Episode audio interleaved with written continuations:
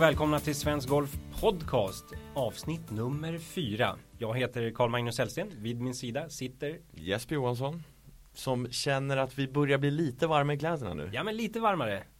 Vi ska, vi ska ärligt säga det här är tagning två, ett avsnitt har redan försvunnit men vi, vi kämpar på här. Ja exakt. Vi körde hela podden och upptäckte till slut att det fanns inget där. Nej, det var inget innehåll. eh, men vi gör det igen. Ja, vi testar igen och ja. eh, först och främst vill jag bara säga tack till alla som har mejlat och kommit med kommentarer och kritik till, till oss. Det gör att vi kan göra det bättre och om vi dessutom lyckas spela in avsnitten så kommer det bli utmärkt till slut. Exakt, så fortsätt skicka mail på webbred.svenskgolf.se Med all kritik ni har, konstruktiv kritik tar vi jättegärna emot, positivt, negativt, vad ni vill höra mer, vad, vi, vad ni inte vill höra. Och, exakt. Ja, skriv exakt vad ni känner. Ja. Vi tar emot alla tankar Jajamän. och idéer.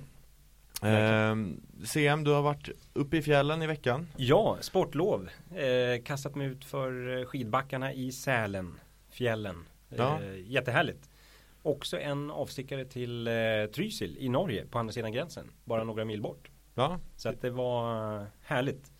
Men det gick faktiskt lite, lite golfkänsla där ändå. För när jag svängde in vid Trysilfjällen så såg man skylten till golfbanan till vänster och sen till skidbacken till höger. Så att eh, där och då bestämde jag mig för att jag ska tillbaka till sommaren eh, och spela golf. Och det är ju faktiskt så att de här fjäll, många av de här fjällorterna har ju också golfbanor mm. i, i, i, bygden. Eh, och vilket gör att säsongen, det är inte bara en vintersäsong längre i fjällen utan många jobbar ju med att få dit golfare och andra aktiva besökare under sommarhalvåret. Så att ehm, jag rekommenderar verkligen en, en resa till fjällen även under sommaren. Ja. Och ta med golfbagen. Ja, du har spelat några av banorna där uppe. Ja men det har jag gjort. Jag har spelat Sälenfjällen, ja. GK. Eh, och där är det faktiskt så att när Vasaloppsstarten går och du sticker upp för den här backen så stryker du nästan eh, passerar du nästan eh, Sälenfjällens golfbana. Ah, okay. Ja, precis.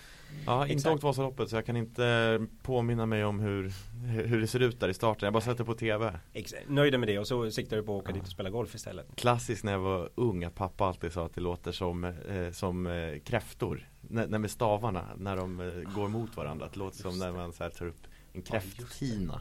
Exakt. Det, det, det, var, så, det, är det, det är det jag vet om Vasaloppet. jag har faktiskt stått där i starten, i backen, som publik. Nej okej, inte på. som utövare? Nej, inte som utövare. Och det, det var svettigt nog bara vara där som åskådare och se den här trängseln. Och... Uh, uh, Okej, okay, ja. men förutom uh, Sälenfjällen då, vad finns det mer där uppe som du tycker att man ska besöka? ja, men då skulle jag rekommendera Idrefjällens GK. Det är faktiskt så att 2005 utsåg Svensk Golf Idrefjällens GK till landets vackraste golfbana.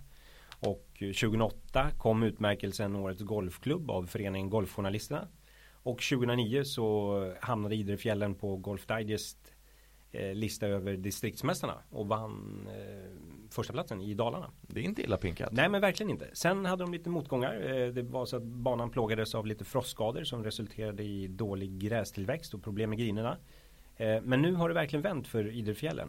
Eh, de har ehm, jag var där i somras, mm. Sen, eh, sent förra sommaren. Åkte skidor? På, hösten. Nej, jag spelade golfbanan. Ja. Och då sa Fredrik Litzén på klubben där att eh, eh, de har inte haft så här bra griner som i år eh, någon gång. Nej, men det... Det, det, är fantastiskt kul att det har verkligen vänt.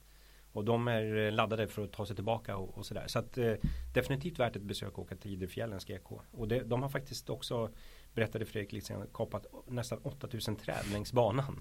Alltså det är så otroligt mycket träd. Ja men verkligen 8000 träd. Ja. Det är sanslöst mycket.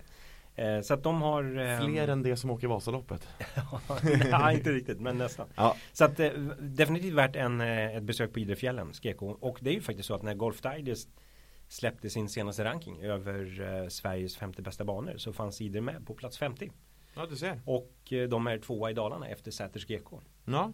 Men vad är det som gör den så, så högt rankad då? Vad är det som Ja, ja dels fin, finns det bra hål eh, Men sen också stor, den storslagna omgivningen. Ja. med, med bergen och, och skogen och vidderna. Fantastiskt vackert. Verkligen. Och, Så där skulle jag säga det, om ni nu sitter och planerar liksom en semester, eh, ja sommarsemestern redan nu. Man Mm. gör ju det, man har ju ganska lång framförhållning när man gör det där. Det börjar bli dags. ja men exakt, och så kanske den ena parten säger nej men jag vill åka på en golfresa i sommar och den andra kanske säger nej men jag vill vandra i fjällen. Då säger jag så här, varför inte göra både och samtidigt? men på golfbanan. Ja. För det finns eh, väldigt många fjällplatser i Sverige som har en golfbana och vill du veta exakt var de finns Mm. då tycker jag att du skriver in rubriken fjällgolf en riktig höjdare på svenskgolf.se. Då får du upp en artikel som eh, vi har skrivit där man listar alla fjällgolfbanor i Sverige. Kanongrej. Ja men verkligen. Om man är intresserad av att gå utan att spela golf. Jag är knappt intresserad av att gå när jag spelar golf ska sägas. Jag vill helst åka bil. Men eh, ja. Bil kan faktiskt vara rekommenderat på vissa av de här fjällbanorna. För det är ganska Upp för kuperat. nerför, ja. Det är väldigt kuperat på vissa. Nässkaderisk. Apropå risker så är det ju det här med som golfare åka iväg till fjällen och åka skidor är ju lite vanskligt om man tittar på skaderisken. Ja, Ehm, dina knän är, de är i behåll. Jag kom hem i samma skick som jag åkte dit. Och det är, Liten förkylning åkte du på lite dig. förkylning åkte jag Men- på. Det är därför jag låter lite konstig. Ja. som jag har en klädnypa på näsan. Ja men det kan man ta ändå. Ja det kan man ta. Men alltså det, det, för det finns ju flera proffs som har eh, haft eh, stora problem i skidbackarna. Vi har Jiménez för ett antal år sedan när han åkte skidåkning hemma i spanska Sierra Nevada och han föll olyckligt och bröt eh, skenbenet. Var Mm. borta i fem månader. Nej, Ja, det Helt vansinnigt. Ja, det är alltså- Fem månader. Och då är det med, med skada. Sen ska du hitta tillbaka till formen Ja därifrån. men men, precis, exakt. är det någon som är glad på sjuk, sjukhussängen så är det kanske Jiménez. Ja, Han sitter nog Fast- och röker en eh, han får inte röka i sjukhussängen. det ja, men- Kanske de har ett rökrum. Ja, han löser det, han löser Han ju det löser det. Ja, Men- fler skador men- ja, alltså Paul Casey Mm. eh, slog ju skulderbladet ur led när han åkte snowboard. mm, Vansinne Ja, verkligen. Och sen har du Ian Poulter. Han skadade sig inte, men han vurpade rejält i en skidbacke i Utah när han åkte där. Men, och han fångade dessutom fallet med sin GoPro-kamera. Så att, ehm, Det var som Han- att han visste vad som skulle ske ja men det, det, det kanske var fejkat. Ja, visst Det var arrangerat. Men- Men, men, det är ju så, alltså Agenterna, managerna borde ju säga åt eh, skidåkarna, du får inte åka. Nej Det är förbjudet. Inga skidor under karriären. Ja men det kan ju sabba en hel karriär. Ja, du, du tjänar pengar på att du är i fysisk form och klarar av att, att utöva en sport. Att då på fritiden ställa sig i en skidbacke Nej det är helt vansinnigt, jag förstår inte hur de tänker riktigt Nej, för det är, inte, det är inte bara dig det handlar om. Du har ju liksom tusentals andra som är i den här skidbacken. Faller du så kan ju någon annan komma och köra på dig. Som liksom, ah, så det finns ju skaderisker. Från, Ja, ja exakt, från alla, Alla håll, håll. ja precis, precis Nej och sen också Ja så Det är rätt skört att vara golfproffs. Det är lätt att, att tappa det och inte komma tillbaka. Och att Verkligen. våga riskera det med skidåkning Det är, ja. Ja, Jag hade för, inte gjort För någon, när man satt där i liften på väg upp och Mm. på, på väg upp då innan man skulle kastas ut så tänkte man sig, ah, st- stå bara på benen, ingen olycka. Du vill inte bryta något ben här så att du får sitta på klubbhusverandan eh, när, när alla andra medlemmar sitter och spelar, går ut och spelar årets första runda. Det Nej. vill man ju verkligen inte. Så att jag är glad att jag tog mig eh, ner och, och kom hem i samma skick som jag åkte iväg. Ja men då känns det ändå tryggare med att vandra för då är det ändå, det till fots och lagom tempo kanske och, Ja men precis. och så, ursäkta? Ja förlåt Och sen vandrar du på golfbanan. Du Eh, spelar ju golf. Ja, Fjällgolfar. just det Så det, det är nästan tryggare. Det, kanske, det är mycket säkrare att åka till fjällen och spela golf. Ja, Än att åka till fjällen och, åka skidor. Men du Jesper, det här gjorde ju att jag hade ju inte, man hängde inte med. så Det fanns Nej. ingen eh, tv-sändning från eh, golfen. Kan inte du dra en liten recap Jo, du ska av vad som hände? Du ska få ett svep här av vad Härligt. som hände på de stora tourerna under veckan. Härligt. Vi börjar i Australien där ISPS Handa Women's Op Australian Open spelades. Efter torsdagen var Caroline Hedvall bästa svenska. Efter fredagen var det Pernilla Lindberg. Men bästa svenska blev till slut Madeleine Sagström som slutade på delad 30 plats. Vann gjorde LPGA Tour-debutanten Jin Young Ko som alltså vann i sin första start någonsin på den stora touren. Det är andra gången som det händer någonsin. Minst sagt imponerande. En annan händelse som imponerade i Australien var Jenny Haglunds hole-in-one. Med en järnsjua satte hon bollen rakt ner i koppen och får därmed lämna Australien med en helt ny sprillans Honda Genesis. Och apropå Genesis, LA, LA Open, a.k.a. Genesis Open, avgjordes i helgen. För tredje gången i karriären lyckades Bubba Watson vinna tävlingen på hyllade Riviera Golf and Country Club. Amerikanen, amerikanen klättrar därmed rejält på världsrankingen och kan ta hem eh, och kanske är han nu en av favoriterna till Masters senare i vår. En annan spelare som kan ta hem den tävlingen är Phil Mickelson. Lefty var senast i så här bra form 2007 då det var senaste gången som han var topp top 6 tre veckor i rad. Visst känner man att årets första major-tävling närmar sig. På European Tour spelades NMO Oman Open. Även den här tävlingen spelades på, på en bana som spelarna uppskattar och Andy Sullivan väljer att kalla den en hidden gem. Vann gjorde Jos Leuten och bäste svensk blev Alexander Björk som närmar sig topp 100-strecket på världsrankingen. Framåt Björken. Ja men härligt. Låter bra va? Det låter jättebra.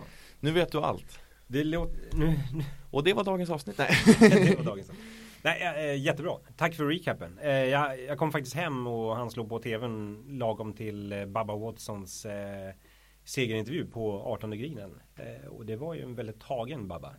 Och han berättade ju där om att han haft det tungt de här två senaste åren mellan segrarna och att han till och med haft planer och till och med diskussioner med sin hustru om att rent av lägga av, sluta och börja jobba civilt med sin, den bilhandeln som han har i Florida. Ja, precis. Uh, ja, och det får vi väl vara glada att han inte har gjort. Ja, men verkligen. Otroligt verkligen. underhållande golfare, Baba Watson. Uh, jag tänker att man ska ha en, en pro tracer ska liksom vara en ständig bevakning på Baba Watson för att bara se hans bollbana slag efter slag. Han har väl aldrig slagit ett rakt golfslag i hela sitt liv känns det som. Och hans minst sagt underliga sätt att svinga och, och spela. Det är otroligt underhållande att titta på.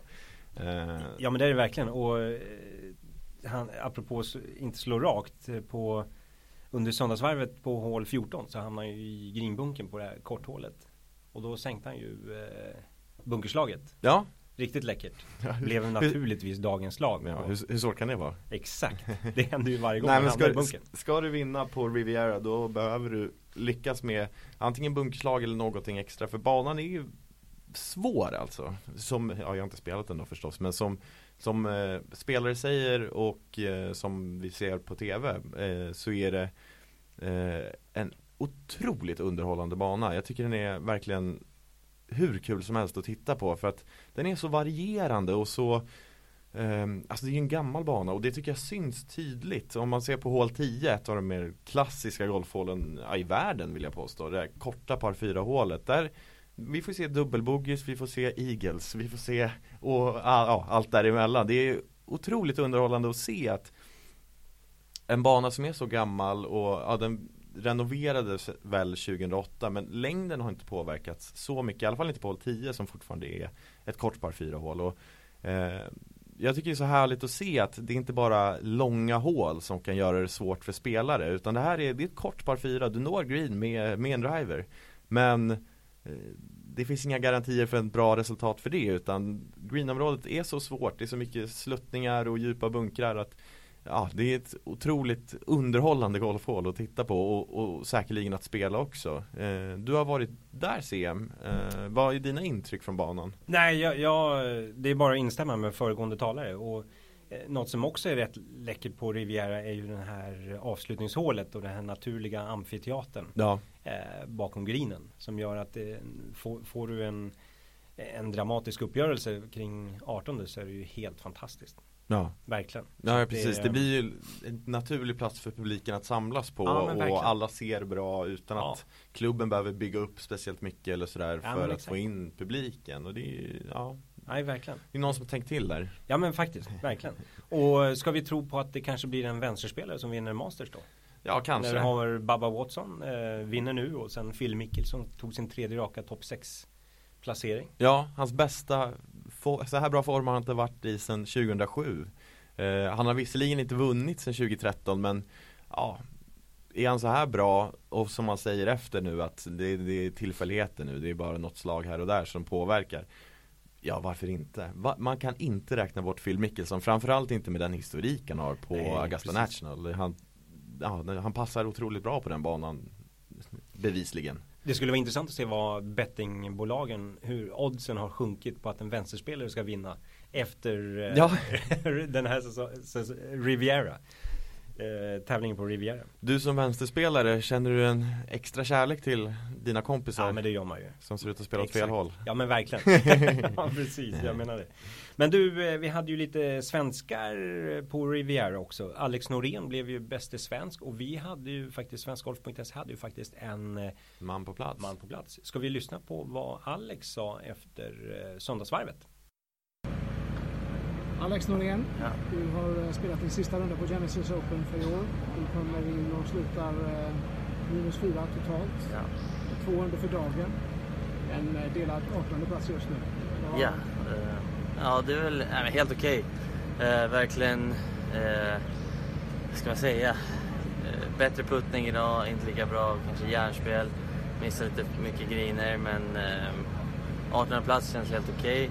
Okay. Eh, såklart man vill bättre men eh, ändå ganska nöjd överlag med eh, speciellt att puttningen blev bättre och bättre, chippningen lite bättre. Men det. Om du tittar som helhet på den här tävlingen och den här veckan, ja. vad tar du med dig som mest positivt in till eh, nästa veckas tävling? Ja, men just att jag, att jag känner att jag, som igår, eh, mitten på rundan igår, så kände jag att jag hade häng på ledningen när jag var fem under, hade bra chans för sex under.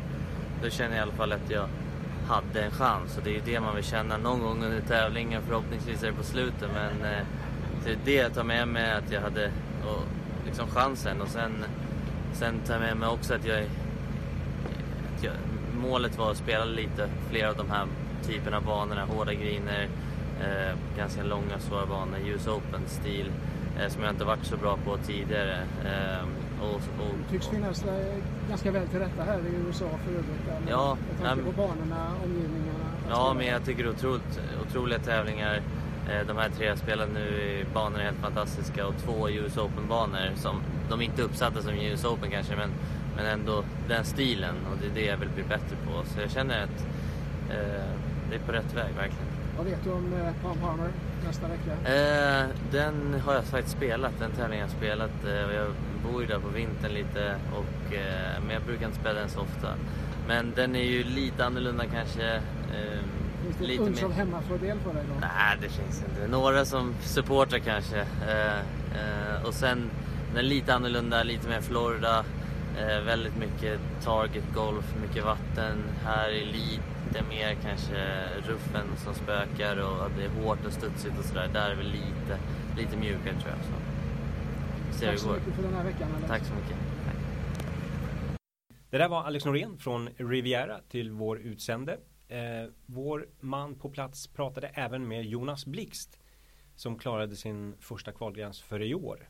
Ja, han spelade otroligt bra. Ja, men verkligen. Det var väl, verkligen kul att se att han kanske börjar hitta tillbaka till det lite efter ja, Han har ju haft lite problem med, med skador och sådär så det är kul om han kommer tillbaka men det var ju nära att han inte fick spela klart tävlingen. Nej men precis, han hade ju också problem med eh, alarmklockan. Ja. Han höll faktiskt på att försova sig.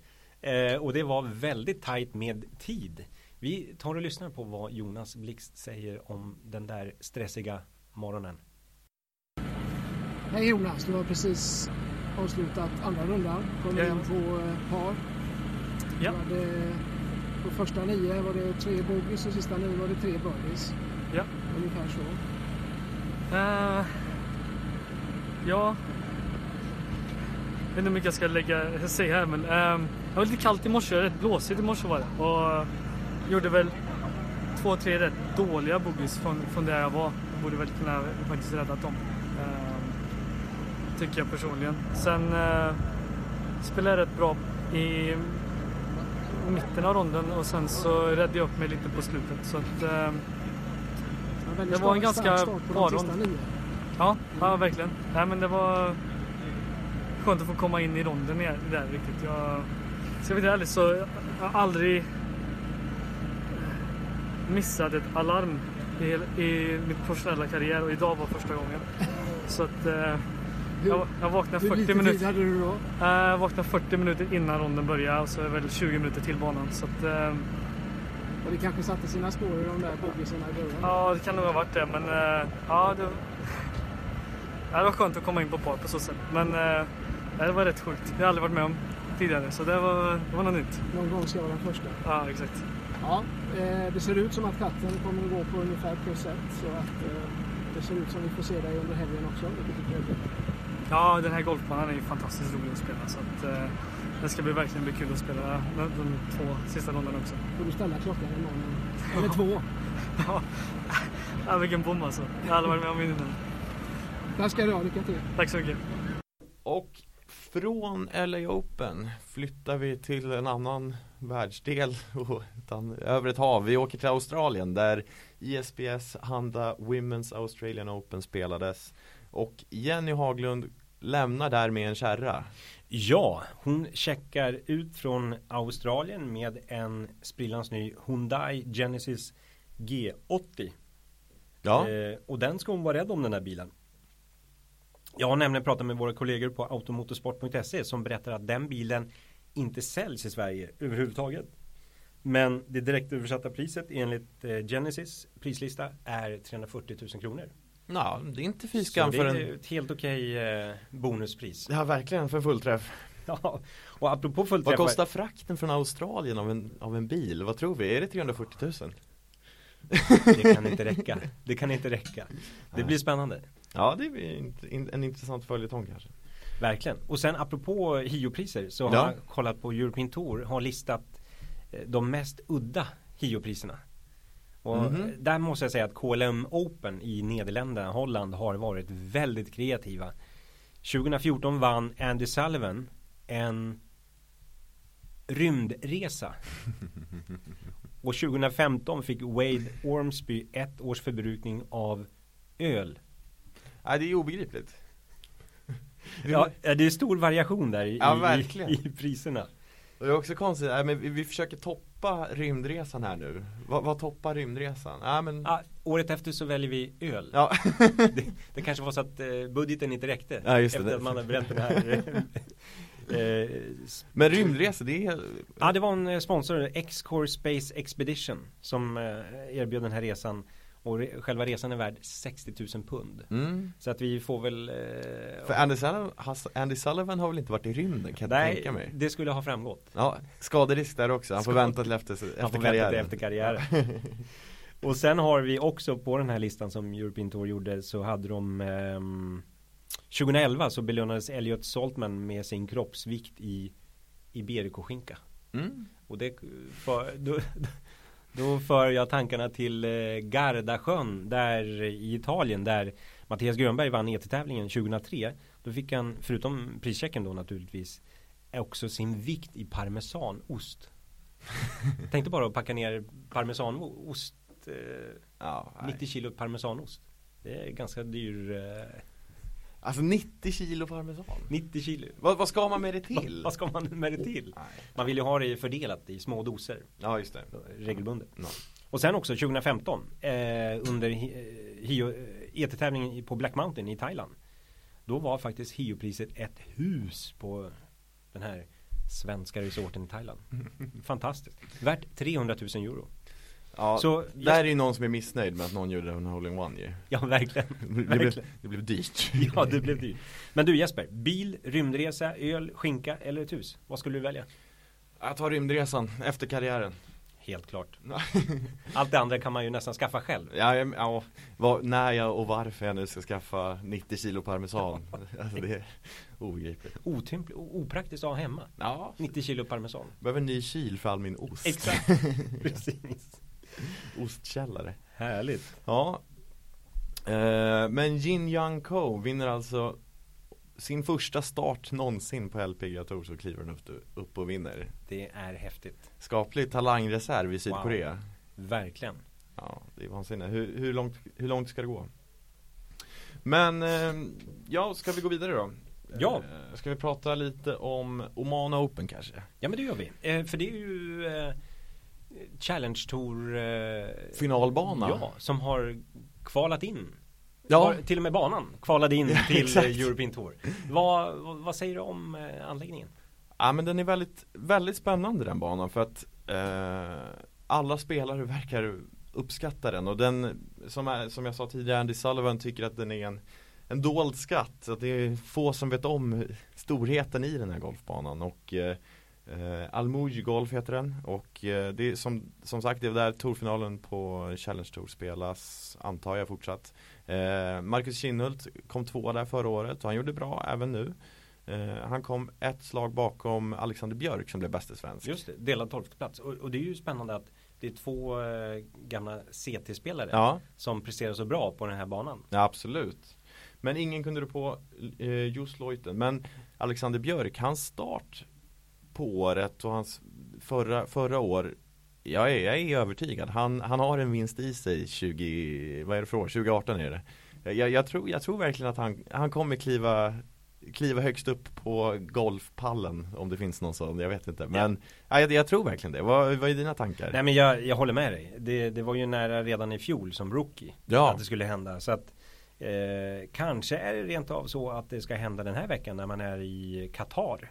Just det. För det är ju faktiskt, det där är ju en tävling där svenskar har trivts ganska bra i tidigare. Sen 1998 när tävlingen drog igång så har vann Joakim Häggman där 2004. Henrik Stensson vann där 2006. Och Robert Karlsson vann där 2010.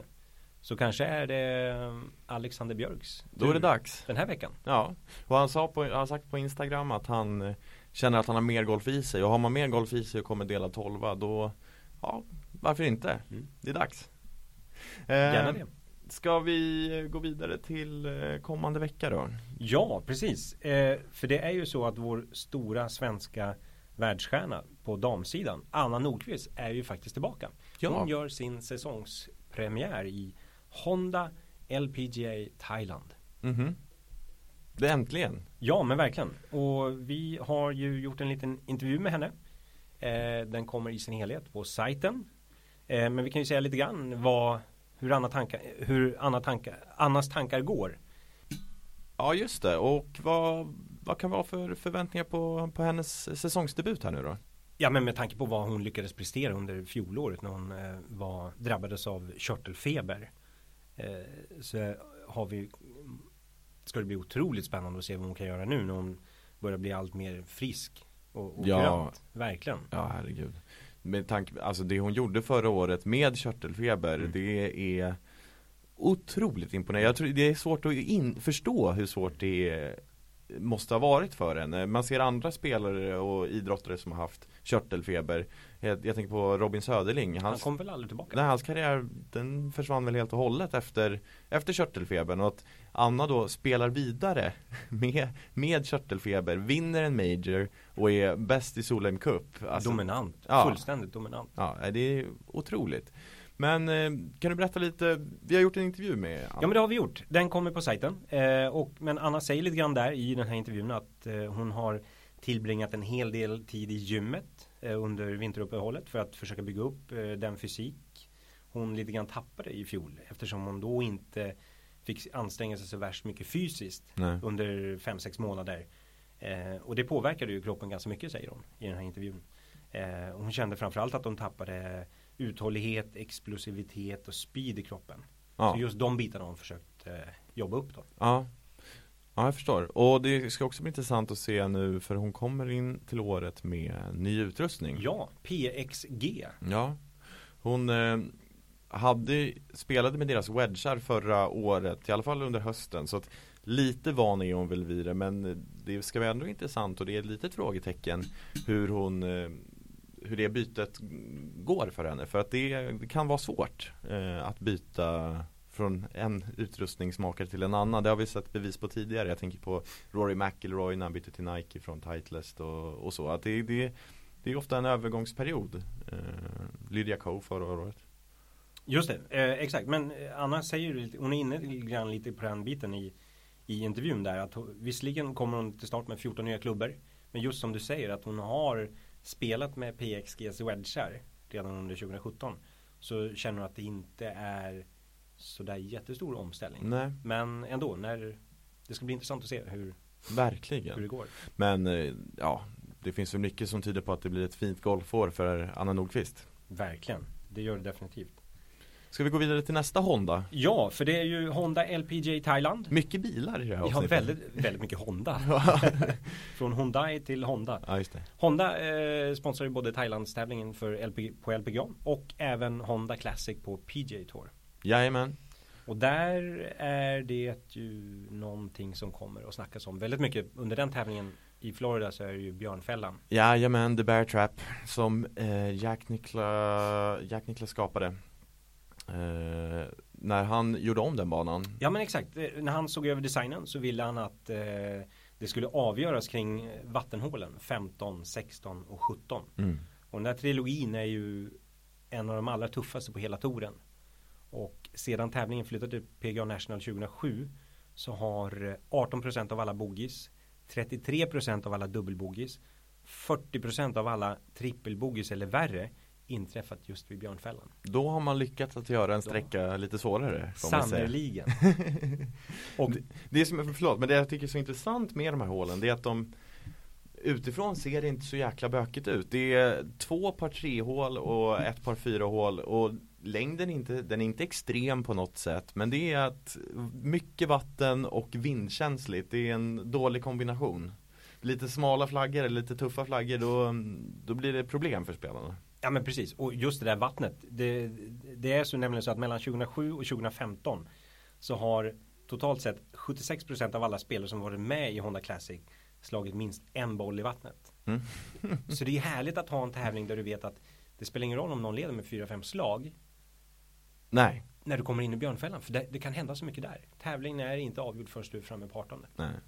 Och ehm, Ricky Fowler är regerande mästare. Eh, han kan väl definitivt vinna. Ja men självklart. En annan spelare som kanske kan vinna det är Alex Norén för han är med även den här veckan. Just det. Exakt. Han och eh, David Lingmert. David Lingmert. Åker direkt från eh, Kalifornien, Jajamän. Los Angeles. En annan spelare gör också det.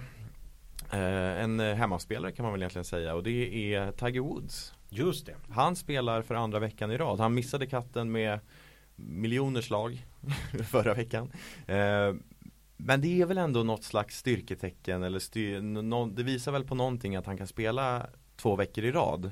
Att spelet kanske inte är där men fysiken måste ju vara helt okej om han känner att han klarar av det. Ja men precis. Och det, han måste ju in i det här tempot. Var, var, vardagliga Exakt, lunken på PGA Tour. När du spelar vecka ut och vecka in. precis. Det är det han måste tillbaka till. Ja, och för att bli bra på golf igen så kan han, han måste spela tävlingsgolf och spela olika banor. Så jag tror att det, det ska bli intressant att se. Jag tror inte han kommer göra speciellt bra ifrån sig den här veckan egentligen. Men kanske något tecken på att han eh, börjar närma sig. För att, ja, för att bli bra golfare igen, eh, eller tillräckligt bra golfare igen, så måste han spela mot de andra proffsen. Han kan inte sitta på hemmabanan och och, och, och slå slag efter slag. Han måste, det måste vara tävling. Ja, men så är det ju. Eh, och du som såg eh, honom på Riviera, vad, vad, vad fick du för känsla? Eh, först och främst så har han ju fortfarande strul med från tee. Han kan ju inte träffa en fairway känns det. Det är känslan. Och det blir för dyrt. Och på PGA Nationals, det, det är fel bana att inte kunna träffa, träffa fairway. För att det är så det är smalt men sen också väldigt mycket vatten på väldigt många hål och det kan, det kan kosta. Eh, det ska bli intressant att se. Han har ju han vill ju väldigt gärna använda sin driver men den bevisligen fungerar den ju inte riktigt just nu. Kanske att han ska klubba ner lite och ha ett längre slag in till green. Jag vet inte men eh, ja, Känner man Tiger Woods rätt så är inte det riktigt hans väg att, väg att gå. Eller vad, vad är din känsla? Så är det ju. Och, men det som är härligt är ju att eh, vi, vi får se, alltså det blir sån hype kring honom. Ja, Så fort han är med. Ja. Och det ger ju en enorm effekt på intresset och surret även utanför eh, golfvärlden. Även i sportbranschen i stort. Så är det ju drag kring Tiger Woods. Så att det är härligt att han är tillbaka. ja verkligen och det här är som sagt ytterligare ett bevis på att han börjar komma i fysisk form att tävla Han kommer inte tävla vecka ut och vecka in förstås men Tävla mer och mer och hitta tillbaka och ja, varför inte? Kanske kan han liksom under året vara uppe och hugga på några segrar till och med Inte omöjligt i alla fall Absolut inte. Ja, om vi tittar även på kommande vecka så har vi ju faktiskt premiärtävlingen på Swedish Golf Tour. Och som ni alla förstår så är det ju inte på hemmaplan man spelar med tanke på att det är vinter och snö. I det blir tufft. I stora delar av landet. Det blir verkligen snö, tufft. Eh, utan det är nämligen så att SGT Winter Series startar på spanska Lumine. Ja, Och där ska inte du vara med Jesper, men Nej. du ska till Spanien och spela golf. Jajamän, jag åker i morgon åker jag, men till Marbella och inte till Barcelonaområdet. Jag och några kompisar ska spela i, i massa dagar. Så det ska bli eh, väldigt roligt att, att få, um, ja, jag vet inte, man är väl lite ringrostig men att bli av med lite rost och spela säsongens första rundor, det ska bli väldigt intressant så att säga. Hur det ska gå egentligen. Ja men härligt. Kom ihåg att värma upp ordentligt när du inte har hållit i golfklubban på Ja, ett halvår. Ja, jo, jo, jag tänker också att jag kan spela några runder där och, och känns det bra då, då tar jag hyrbilen upp till, eh, till, till Lumine och, Ja. och försöker delta då i SGT, Ja. Winter Series. Ja, Ja, det gör du rätt i. Nej men det ska bli väldigt intressant att se Jag lämnar säsongen för säsongen 2017 utan att kunna slå min driver Utan att kunna slå mina järnklubbor Utan att kunna putta Så det blir väl bara wedgarna kvar helt enkelt Så du kan alltså ta golfklubbarna med i handbagaget typ? Ja, Du behöver inte checka in golfbagen, det är ju praktiskt. Ja, nej, faktiskt. Eller så kan jag bara gå till någon klubbs hittelåda och ta någon gammal sandwich där och, Vad som helst. och, lä, lä, lä, spela, spela några varv. Det, vi får se hur, hur det går helt Ja, enkelt. då kanske du har en bit till SGT Winter Series. Ja, men vore det inte en bra story om jag, om jag kliver in på, eh, på Lumine med bara sandwich? Det vore något. Ja. Du skulle vara ensam, Ja, Ga- garanterat. Möjligt. Härligt, men du, vi ser fram emot att få lite tips på bra banor i Marbella-området Ja, nästa vecka. Nästa absolut. veckas podd. Absolut, och då vill jag av dig få ett svep från helgens tävlingar och eh, så Det ta, fixar vi. tar vi det därifrån. Det gör vi absolut. Tack för att ni har lyssnat och tack för att ni skickar in feedback till oss. För det uppskattar vi verkligen. Positivt som negativt, konstruktivt, vad ni vill eh, höra i den här podden, eh, vad ni inte vill höra. Fortsätt skicka till oss till webbred@svenskgolf.se. Ja, man kan även skicka direkt till oss. Min mailadress är jesper.johansson svenskgolf.se och din är cm svenskgolf.se Precis, exakt. eh, Och följ oss också gärna i sociala medier och på Facebook och allting. Vi heter Golfredaktionen går att söka på eh, för eh, ja, senaste nytt. Precis. Eh, Ja men bra, tack för att ni har lyssnat idag och på återhörande. ha det bra. Hej då!